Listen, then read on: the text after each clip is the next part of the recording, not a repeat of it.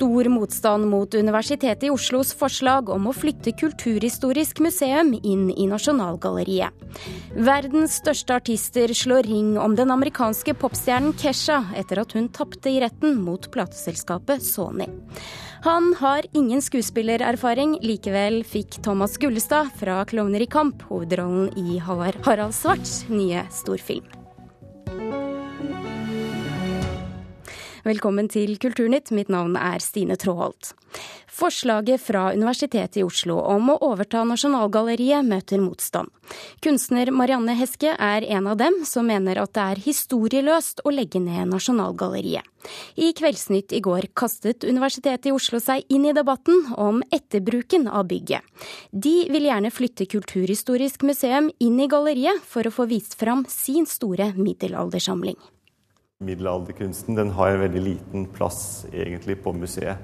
Med eh, Nasjonalgalleriet kan vi vise fram den fulle bredden av disse samlingene, og de tror jeg folk er veldig interessert i. Ikke bare her i Norge, men også internasjonalt. Kulturhistorisk museum har en stor samling med kirkekunst fra middelalderen som de i dag ikke har særlig plass til å vise frem. Mye norsk historie fra århundrene etter vikingtiden ligger simpelthen godt bevart i magasinene. Museumsdirektør Håkon Glørstad vil ha samlingen frem i lyset på Nasjonalgalleriet, bygningen som ligger tvers overfor museet ved Tullinløkka i Oslo sentrum. Der vil han også vise frem samlingen med antikke skulpturer. For Det var jo akkurat antikkens eh, skulpturer som var utgangspunktet for, eh, for, de første utstillingene. Så det vil bli et, et bygg som viser kunstens eh, opprinnelse og utvikling i veldig bred forstand. Det var på Dagsrevyen i går rektor ved Universitetet i Oslo, som eier Kulturhistorisk museum, meldte seg på kampen om etterbruken av Nasjonalgalleriet. Men forkjemperne for å bevare galleriet som galleri er fortsatt mange. Jeg kommet til deg for å overlevere det håndfaste bevis på at langt over 11 000 personer har undertegnet Allerede i 2009 fikk daværende kulturminister Trond Giske en solid bunke underskrifter på bordet til støtte for bevaring av Nasjonalgalleriet som en del av Nasjonalmuseet, også etter at nybygget på Vestbanen står ferdig. Kunstneren Marianne Heske er en av dem som mener det er historieløst å bruke bygget til noe annet. Når et bygg som Nasjonalgalleriet er bygd for et visst formål, kan ikke det fortsette å være det å restaurere det til det bruket det er bygget for. Tusen takk, president. Arbeiderpartiets Jan Bøhler tok opp Nasjonalgalleriets skjebne i spørretimen i Stortinget forrige uke. Regjeringen har ikke bestemt seg i saken. Den venter på at Statsbygg i løpet av våren skal bli ferdig med en rapport om etterbruken av galleriet. Nå vil Bøhler også ta opp fremdriften til nytt kulturhistorisk museum i Stortinget.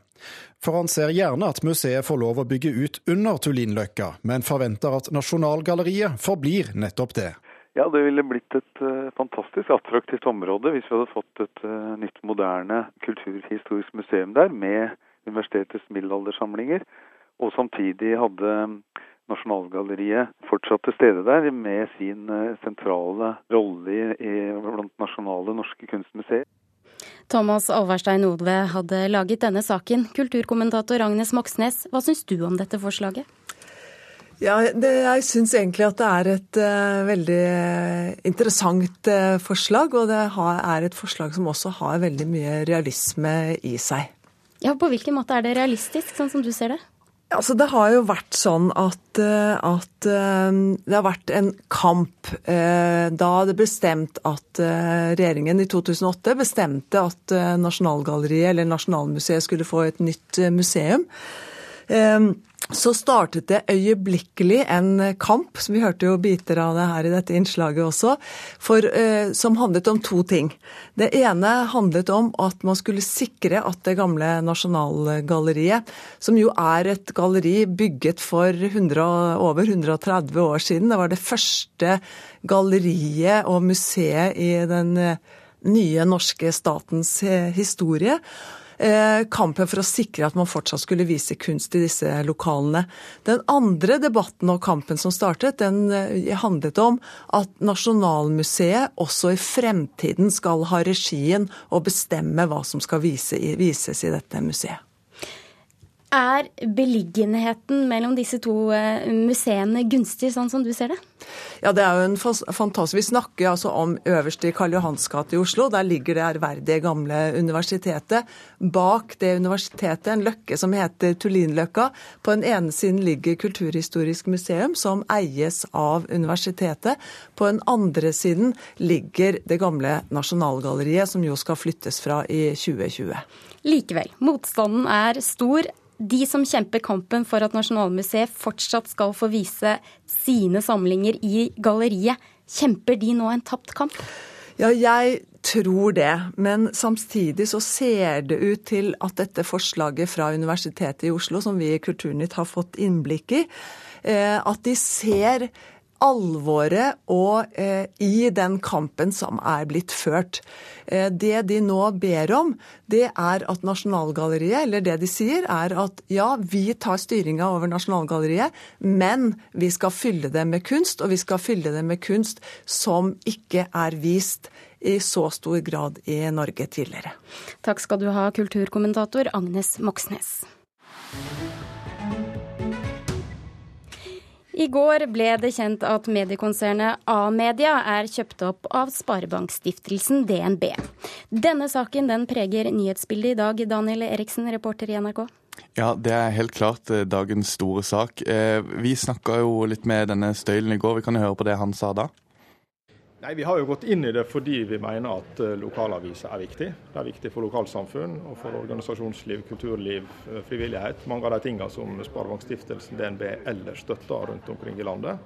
Eh, det finnes mange eksempel på stiftelseseide mediekonsern både i Norden og ellers.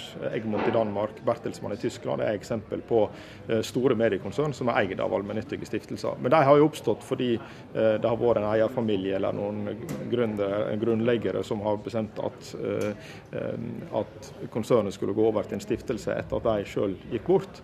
Men jeg tror dette er første gangen at en allmennyttig stiftelse på et helt annet område har sagt at vi kjøper et mediekonsern for å lage en ny medieeiende stiftelse. Ja, Det sa stiftelsens administrerende direktør André Støylen. Hva er reaksjonene på oppkjøpet, Daniel Eriksen? Eh, reaksjonene er veldig veldig positive. Det er nesten, eh, nesten spesielt å se så mange journalister og medieledere stå fram i sine egne aviser og være glad for noe som skjer i mediebransjen. Men det er helt tydelig. og Blant annet Nordlys-redaktør eh, Andreas Oppdal sa helt rett ut til Dagens Næringsliv at han ikke klarer å, klarer å holde seg i ro, for han syns det er så gode nyheter. Så det er helt klart positiv reaksjon. Og fra eh, dette oppkjøpet så skal vi til kvinnebladet L, for de får krass kritikk for en reportasje fra Venezia skrevet av moteblogger Camilla Pil. Turen var sponset av klesmerket Louis Vuitton og kommer på trykk i marsutgaven. Daniel, hva er galt med denne reportasjen? Det er litt sånn i, i tiden sånn, da, å kritisere Kvinnebladet for noe de har eh, på en måte holdt på med lenge. Men det blir kalt snikreklame, selv om det er markert i, i bladet at eh, denne turen er betalt av Louis Vuitton, så er det markert veldig lite.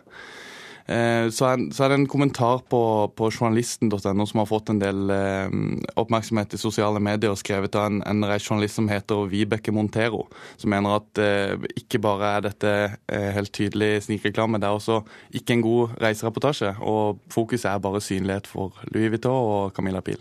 Ja, Hvordan er dette merket i reportasjen? Det er merket veldig, veldig veldig lite. Eh, man må liksom snu hodet på andre sida og så lese med, med bitte, bitte liten skrift for å se at det, det er betalt av Louis Vuitton.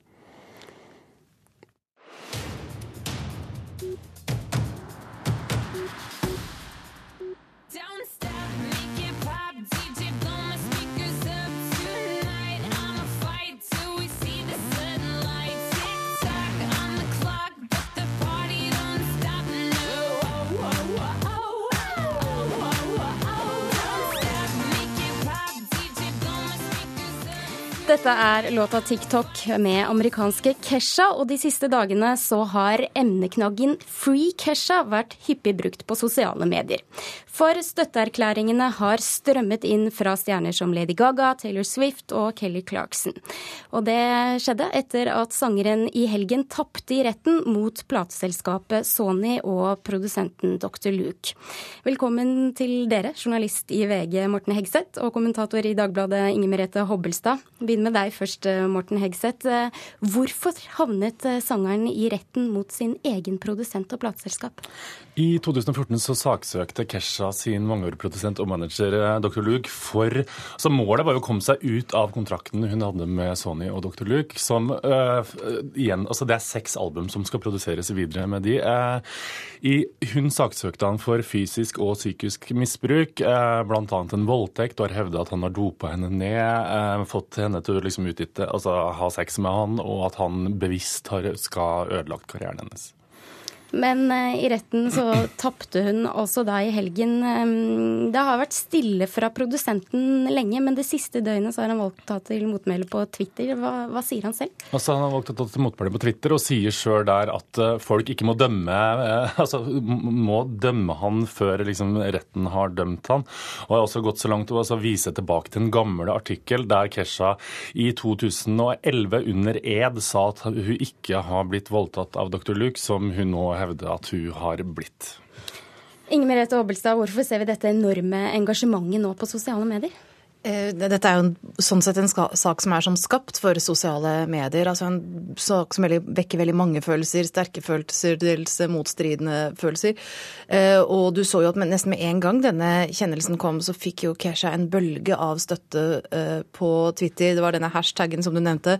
Så kom det jo etter hvert frem at Taylor Swift ga henne 250 000 dollar for at hun skulle kunne fortsette den rettslige kampen for å bli fri av denne kontrakten. Det var flere kvinnelige artister artister som kom ut og støttet henne eh, og slike ting. Og det er jo en, jeg tenker også at det er en litt sånn dobbel Det vekker litt sånn doble følelser i meg, da. Og det ene er jo at det er fint å se denne litt sånn søsterlige solidariteten, om du vil. At noen får, eh, får, hjelp og støtte til å ta en rettslig kamp de mener er helt nødvendig. Og så er det jo noe ved det hele som føles eh, ikke helt bra med tanke på rettssikkerheten. Altså dette er jo en person som ikke er dømt for dette forholdet. Man skal være uskyldig til det motsatte er bevist. Og i dette tilfellet så hadde jo sosiale medier helt klart bestemt seg for at dette eh, overgrepet hadde funnet sted, og at dr. Luke er skurken i denne saken. Og det er det jo litt vanskelig å vite noe helt sikkert om. Ja, Hva tenker du Morten Hegseth, om dette engasjementet på sosiale medier? Nei, altså, Inger Merete har jo helt rett. for at, sånn, Strengt tatt så har det jo vært Sony imot internett. For internett har jo støtta Kesha eh, så det synger. Og det har jo vært en slags forhåndsdømming i det. det så det har jo vært litt spesielt.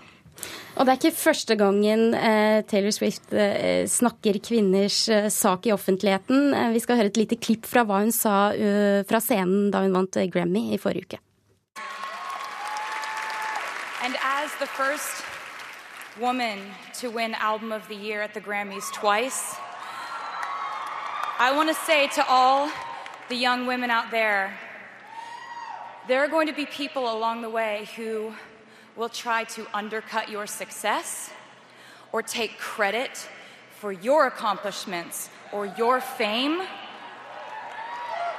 But if you just focus on the work and you don't let those people sidetrack you, someday when you get where you're going, you'll look around and you will know that it was you and the people who love you who put you there. Ja, Det virker nesten som det blåser en feministisk vind over Hollywood for tida. Er det en nødvendighet, slik dere ser det? Inger Merete først. Uh, altså, når det gjelder Hollywood og filmbransjen som sådan, så er det mye uh, igjen å gjøre på kvinners vegne. Og der er det veldig bra at, at man engasjerer seg. Nå er dette uh, Grammy-utdelingen vi hørte her, men det kan jo ses i sammenheng med Emma Watsons feministiske initiativer som har mobilisert unge skuespillere, både menn og kvinner. Og så langt har det jo vært ganske mye slogans og ikke så mye resultater av det. Hva gjelder filmbransjen, så er Hollywood i den situasjonen at blant de 500 mest innbringende Hollywood-filmene de siste årene, så er det jo 12% av hovedpersonene som er kvinner. Så det er eh, ekstremt få kvinners fortellinger som forteller sammenlignet med menn. Eh, det har jo vært en sak med Jennifer Lawrence, eh, en av verdens kanskje største filmstjerner om dagen, fikk mye dårligere betalt for en film enn sine mannlige eh, motspillere. Um, så der er det skritt igjen å gå, og så blir det interessant å se om disse bevegelsene fører til noen konkrete endringer der. Og så har jo Swift da eh, gått i bresjen for å vise frem at jentene holder sammen på sosiale eh, medier. Hva syns du om det, Morten Hekseth? Uh, jeg tenker at det er noe dobbelt over det. Jeg syns det er veldig fint at det finnes et søsterskap i Hollywood i en bransje hvor det absolutt trengs, hvor menn sitter på toppen. Men det virker òg litt som om det akkurat nå i Hollywood er en sånn kamp om å være mest mulig feminist.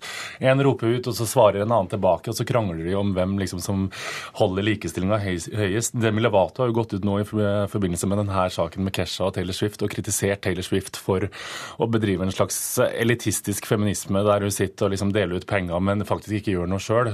Demi Levato mener at Taylor Swift burde ha enten ha liksom fortalt om noe hun sjøl har opplevd, eller tatt det her liksom til politikken hvis du skulle først ha imponert. Altså, det er jo et par Apropos doble følelser, som vi har snakket mye om. Det er jo noen doble, doble, doble både tanker og følelser her også.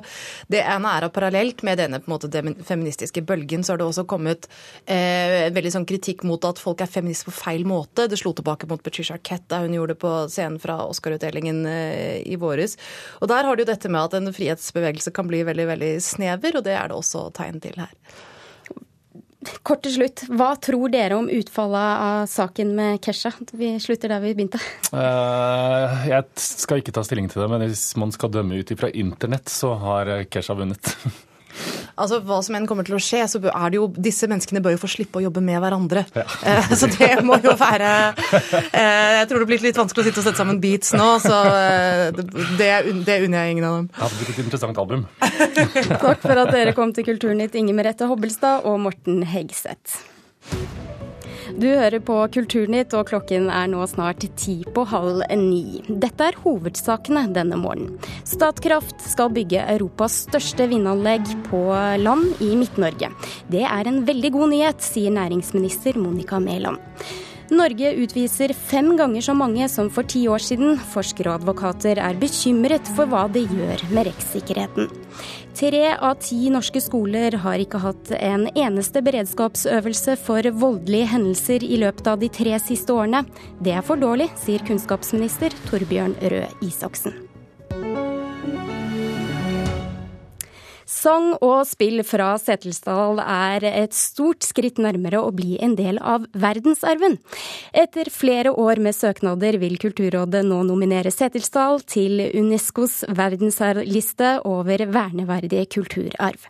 Det sier seksjonsleder Britt Holtebekk. Gjennom første nåløye i det nominasjonsløpet. Kravene er skyhøye. Norge har ingen på denne lista, og siden muligheten kom for å søke for fire år siden, har Norge bare sendt én søknad som de mener kan ha en sjanse. Det er derfor en enorm anerkjennelse bare å ha fått ja fra Kulturrådet, sier leder av Setesdal spellemannslag, Astrid Rystad. Ja, faktisk så er det på fjerde året nå vi arbeider med det. Å komme på Unesco-listen ville fått store virkninger, mener Rystad. De vil f.eks. øke turismen. Og jeg vil også tro at med den immaterielle kulturarven at de vil utløse interesse for å komme og se og høre. Thomas Gullestad, kjent som rapperen Fingeren i Klovner i kamp, skal spille krigshelten Jan Baalsrød i Harald Svarts nye film Den tolvte mann. Gullestad, som ikke har skuespillererfaring, var svært overrasket da han fikk rollen. Jeg har fått sånne folk. Du har fått en sjekk som bærer ting. Det den store forskjellen. Den dagen det er folk som bærer ting for deg. Han kaster jakken over til produsenten for filmen han skal spille i, idet han går foran kamera til Dagsrevyen. Han har akkurat fortalt det norske folk at han skal spille krigshelten Jan Baalsrud i Hollywood-regissør Harald Svarts neste film. Thomas Gullestad, som er kjent som programleder på TV, og rapperen Fingeren i Klovner i kamp, har ingen skuespillererfaring. For å være helt ærlig så tenkte jeg at nå er det noen som lurer meg, tenkte jeg. Er, er, det, er det sant? Dette har jeg hatt så lyst til så lenge. Den casting- og prøvefilmingsprosessen har vært ganske lang. I ti år har Harald Svart jobbet med en film om motstandsmannen Jan Baalsrud sin flukt gjennom Troms i Sverige i 1943 etter et mislykket oppdrag. Nå er finansieringen på plass, og filmen skal spilles inn i Troms. Harald Svart sier Gullestad var den desidert beste kandidaten til å spille Baalsrud. Eh, det var en eller annen naturlighet i replikken. Han han kunne gå steder inni seg selv som jeg syntes var flott å se. og så er det da denne vennligheten og personligheten som jeg eh, alltid har syntes Thomas har hatt. da, En, en, en slags lekenhet som, som, jeg opplever at Jan Baalsrud også hadde. Det er ikke første gangen historien om Baalsrud blir film. Den norske Oscar-vinneren Ni liv av Arne Skouen fra 1957 handler også om Jan Baalsrud. Svarts film skal hete Den tolvte mann, og blir mer et karakterdrama enn en actionfilm, sier Svart. Mye mer eh, indre konflikt, holdt jeg på å si. Jeg trodde aldri jeg skulle si det, de ordene der. hvor, hvor, eh, hvor du rett og slett skal forsøke å føle hvordan det er å ligge helt alene og ikke vite de skrittene du hører. Er, er jeg, stryker jeg med nå? Eh, hvilke dilemmaer disse menneskene Han falt jo inn på dørterskelen til folk som plutselig ble stilt overfor et problem. Skal vi hjelpe han å risikere vårt eget liv? Eller, og de var liksom aldri i tvil. De var selvfølgelig må vi hjelpe han. Jan Baalsrud syns ikke det var riktig at det som var hans eh, eh, det som ble fortalt om han, var at han var den store helten. Han syntes jo alle som hjalp han, var den store helten. Mm. Eh, og det ville han få frem, og det var noe av motivasjonen til at denne historien nå kommer fram igjen. Harald Svart er kjent for filmer som Karate Kid, Ping Panther 2 og The Mortal Instruments City of Bones. Men denne filmen skal spilles inn på norsk i Norge. Thomas Gullestad har allerede begynt å forberede seg, for innspillingen starter i april. Han har lest mye, og den slanke mannen må slanke seg 15 kilo til. Vi skal, jo, vi skal jo være mye der hvor de faktiske hendelsene utspilte seg. Eh, og det er ikke et veldig hyggelig terreng. Eh, det er jo vinterstid og det er mye snø. Jeg skal ut i Han måtte jo svømme etter at denne operasjonen ble, at det ble overrumplet av tyskerne. Så måtte han jo svømme flere etapper eh, i isvann. 100 eh, meter to ganger, og han eh, hadde jo på seg en våt uh, uniform og løp uh, i minus mange, mange mange grader. det blir hyggelig, men det blir en tung, tung innspilling, da. Tung hygge. Ja, tung hygge. Reporter Erin Venås Sivertsen.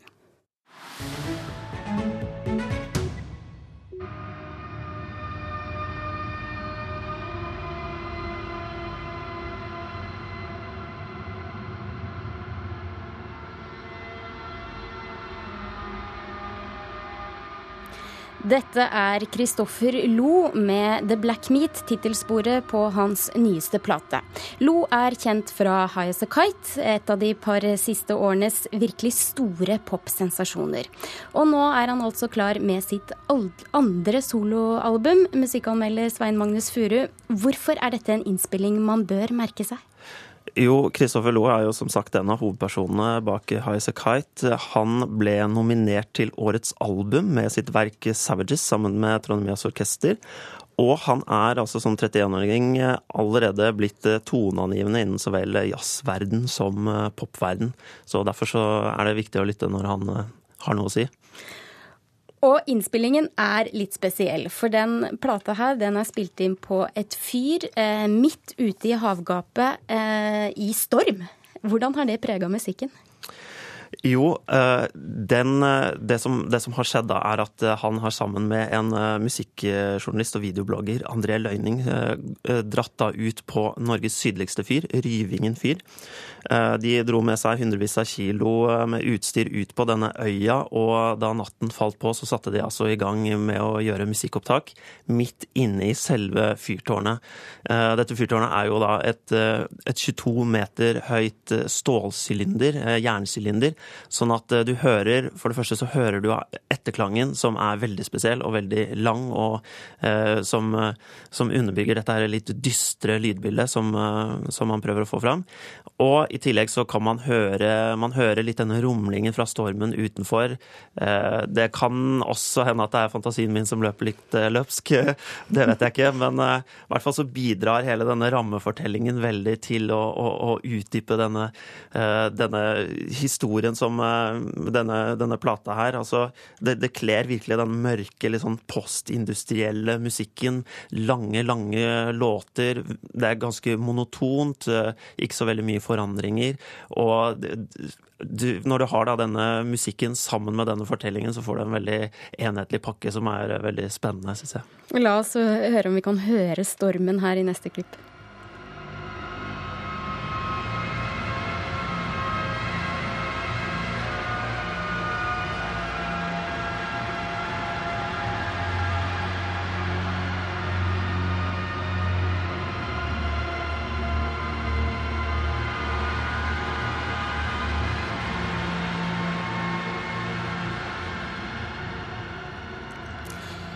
Kristoffer Lo er jo da kjent fra High As A Kite. Kan man høre dette eh, i eh, soloplaten hans?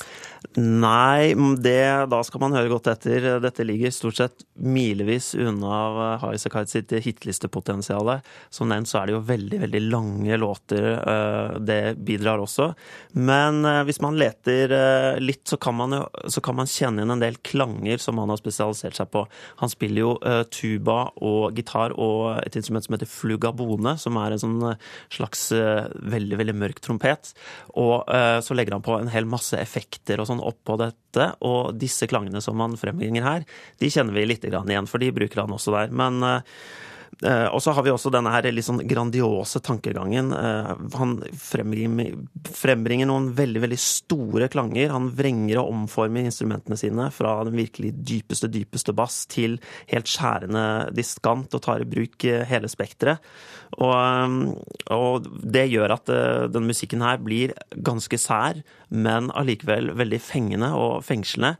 Og da tenker jeg særlig på dette her lydbildet som er så mørkt og dystert, og som man virkelig suger oss inn i, i sin verden med. Kort til slutt, Svein Magnus Furu, er du begeistret? Ja, jeg må si at uh, dette er en uh, veldig god plate, men uh, som nevnt, det er ikke en plate for de store massene. Dette er ganske sær musikk, men samtidig veldig fengende. Og med det så takker Kulturnytt for seg. Produsent for denne sendingen har vært Lisa Stokke. Mitt navn er Stine Traalt. Du får kulturnyheter utover hele dagen i NRK P2 og Alltid nyheter på og på nrk.no kultur.